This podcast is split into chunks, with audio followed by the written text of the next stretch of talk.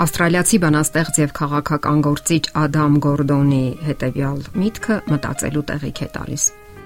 Կյանքը հիմնականում փրփուր է, օճառի պղպջակ։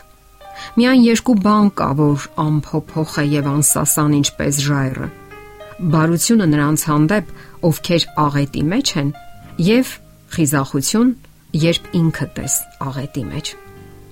Մի փոքր վերափոխելով Աստվածաշնչյան հայտնի պատվիրանը՝ մի սpanիր, մենք կարող ենք ասել՝ մի վիրավորիր։ Վիրավորելու տարբեր եղանակներ կան։ Մենք կարող ենք մարդկանց վիրավորել մեր անըմբռնողությամբ եւ անհաղորդ վերաբերմունքով։ Կարող ենք մեկ խոսք անգամ չարտաբերել եւ այնուամենայնիվ խոցել նրանց մինչև հոգու ամենանուր բլարերը։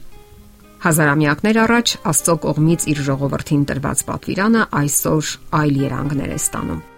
Մեր օրերում այնքան էլ հեշտ չէ թեթևորեն սپانել մարդուն եւ անպատիժ մնալ։ Գոյություն ունի դատական համակարգ եւ իրավաբանական պաշտպանություն։ Սակայն այսօր այլ ուղիներ կան, որոնցով հնարավոր է վիրավորել մարդուն եւ անպատիժ մնալ, որովհետեւ դրանք ամրագրված չեն օրենսգրքում եւ դրանց համար պատիժ չի սահմանվում։ Սակայն Աստված այլ վերաբերմունք եւ մտեցում ունի եւ այլ բան է պահանջում իր զավակներից։ Նրանք պետք է այլ կերտվածք ու բնավորություն ունենան եւ իրենց մեջ զարգացնեն այնպիսի որակներ, որոնք բնորոշ են Աստծո զավակներին։ Դրանց թվին կարող ենք դասել բարությունն ու կարեկցանքը, սերն ու գթասրտությունը, հանդուրժողականությունն ու համբերությունը, ներողամտությունը։ Աստվածաշունչը Աստծո սիրո դրսևորման լավագույն միջոցն է։ Այնտեղ նա բացում է իր կամքը եւ ցույց տալիս իր սերը կործանվող աշխարհի հանդեպ իսկ ավելի կոնկրետ կործանվող մարդու հանդեպ։ Նույնը նա հորդորում է իր զավակներին, որpիսի նրանք սիրո վերաբերմունք եւ սիրո խոսքեր արտահայտեն։ Լինեն ըմբռնող, կարեկից, չէ որ մարդը դյուրաբեկ եւ խոցելի արարած է։ Մարդը, որն այսօր կա եւ ապրում է, ուրախանում եւ վայելում է կյանքը, վաղը կարող է եւ չլինել։ Այն պատճառով, որ իր հանդեպ անարթարացի չեն եղել, չեն գնահատել, Ժամանակին չեն արտաբերել սիրո եւ հաշտության խոսքեր, չեն մխիթարել։ Մարդիկ կարող են հուսահատվել եւ գնալ ինքնասպանության միայն այն պատճառով, որ իրենց չեն հասկանում։ Այս փոքրիկ պատմությունը հենց այդ մասին է։ 16-ամյա դպրոցական տղան խիստ հուզված էր։ Մազերն արագ սկսել էին թափվել։ Վժիշկը ախտորոշել էր վաղաժամ ճաղատություն։ Եվս մի փոքր ժամանակ եւ նա համարյա ճաղատ էր նույնիսկ ամաչում էր դպրոց գնալ։ Ինչպես կընդունեն իրեն ընկերները։ Միգուցե ծաղրեն, ածականներ կպցնեն։ Հաջորդ առավոտյան դուռը թակում են։ Նա բացում է դուռը եւ տեսնում իր դասարանի երեխաներից 10 հոգի։ Նրանք բոլորը մաքուր սափրել էին իրենց գլուխները։ Իսկ նրանց մեջ 3-ը աղջիկներ էին։ Հուզիչ պատմություն է, այնպես չէ։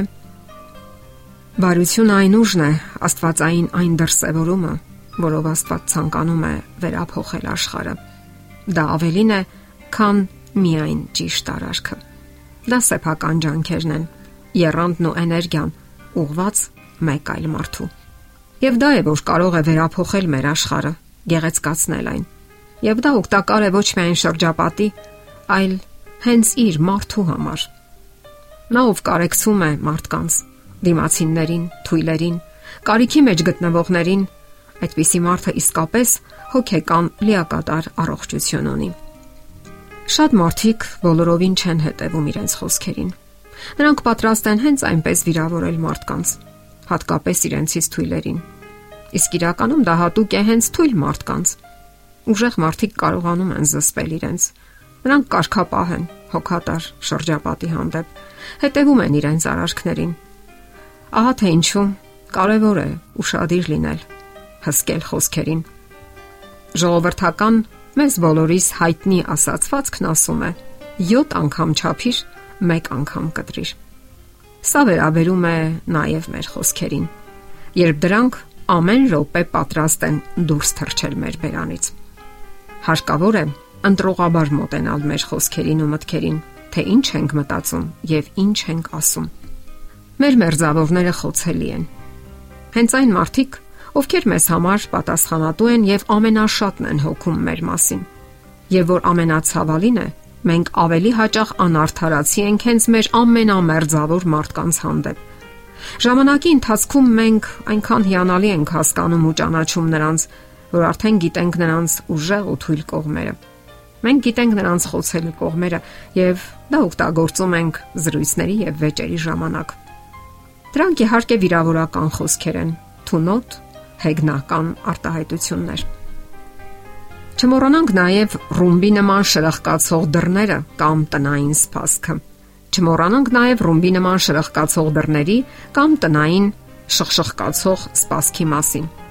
Իսկ ոչ հազվադեպ դրանք չասված եւ չարտաբերված խոսքերն են։ Մխիթարության ժամանակին չասված խոսքերը մտածում ենք այն մասին, թե քանի քանիսն են վիրավորվել կյանքից։ Միայնության մեջ լուր արցունքներ թափել եւ այդ ամենին չդիմանալով նույնիսկ ինքնասպան եղել։ Այդ մարդիկ դյուրաբեկ են փխրուն, որ ավելի հաճախ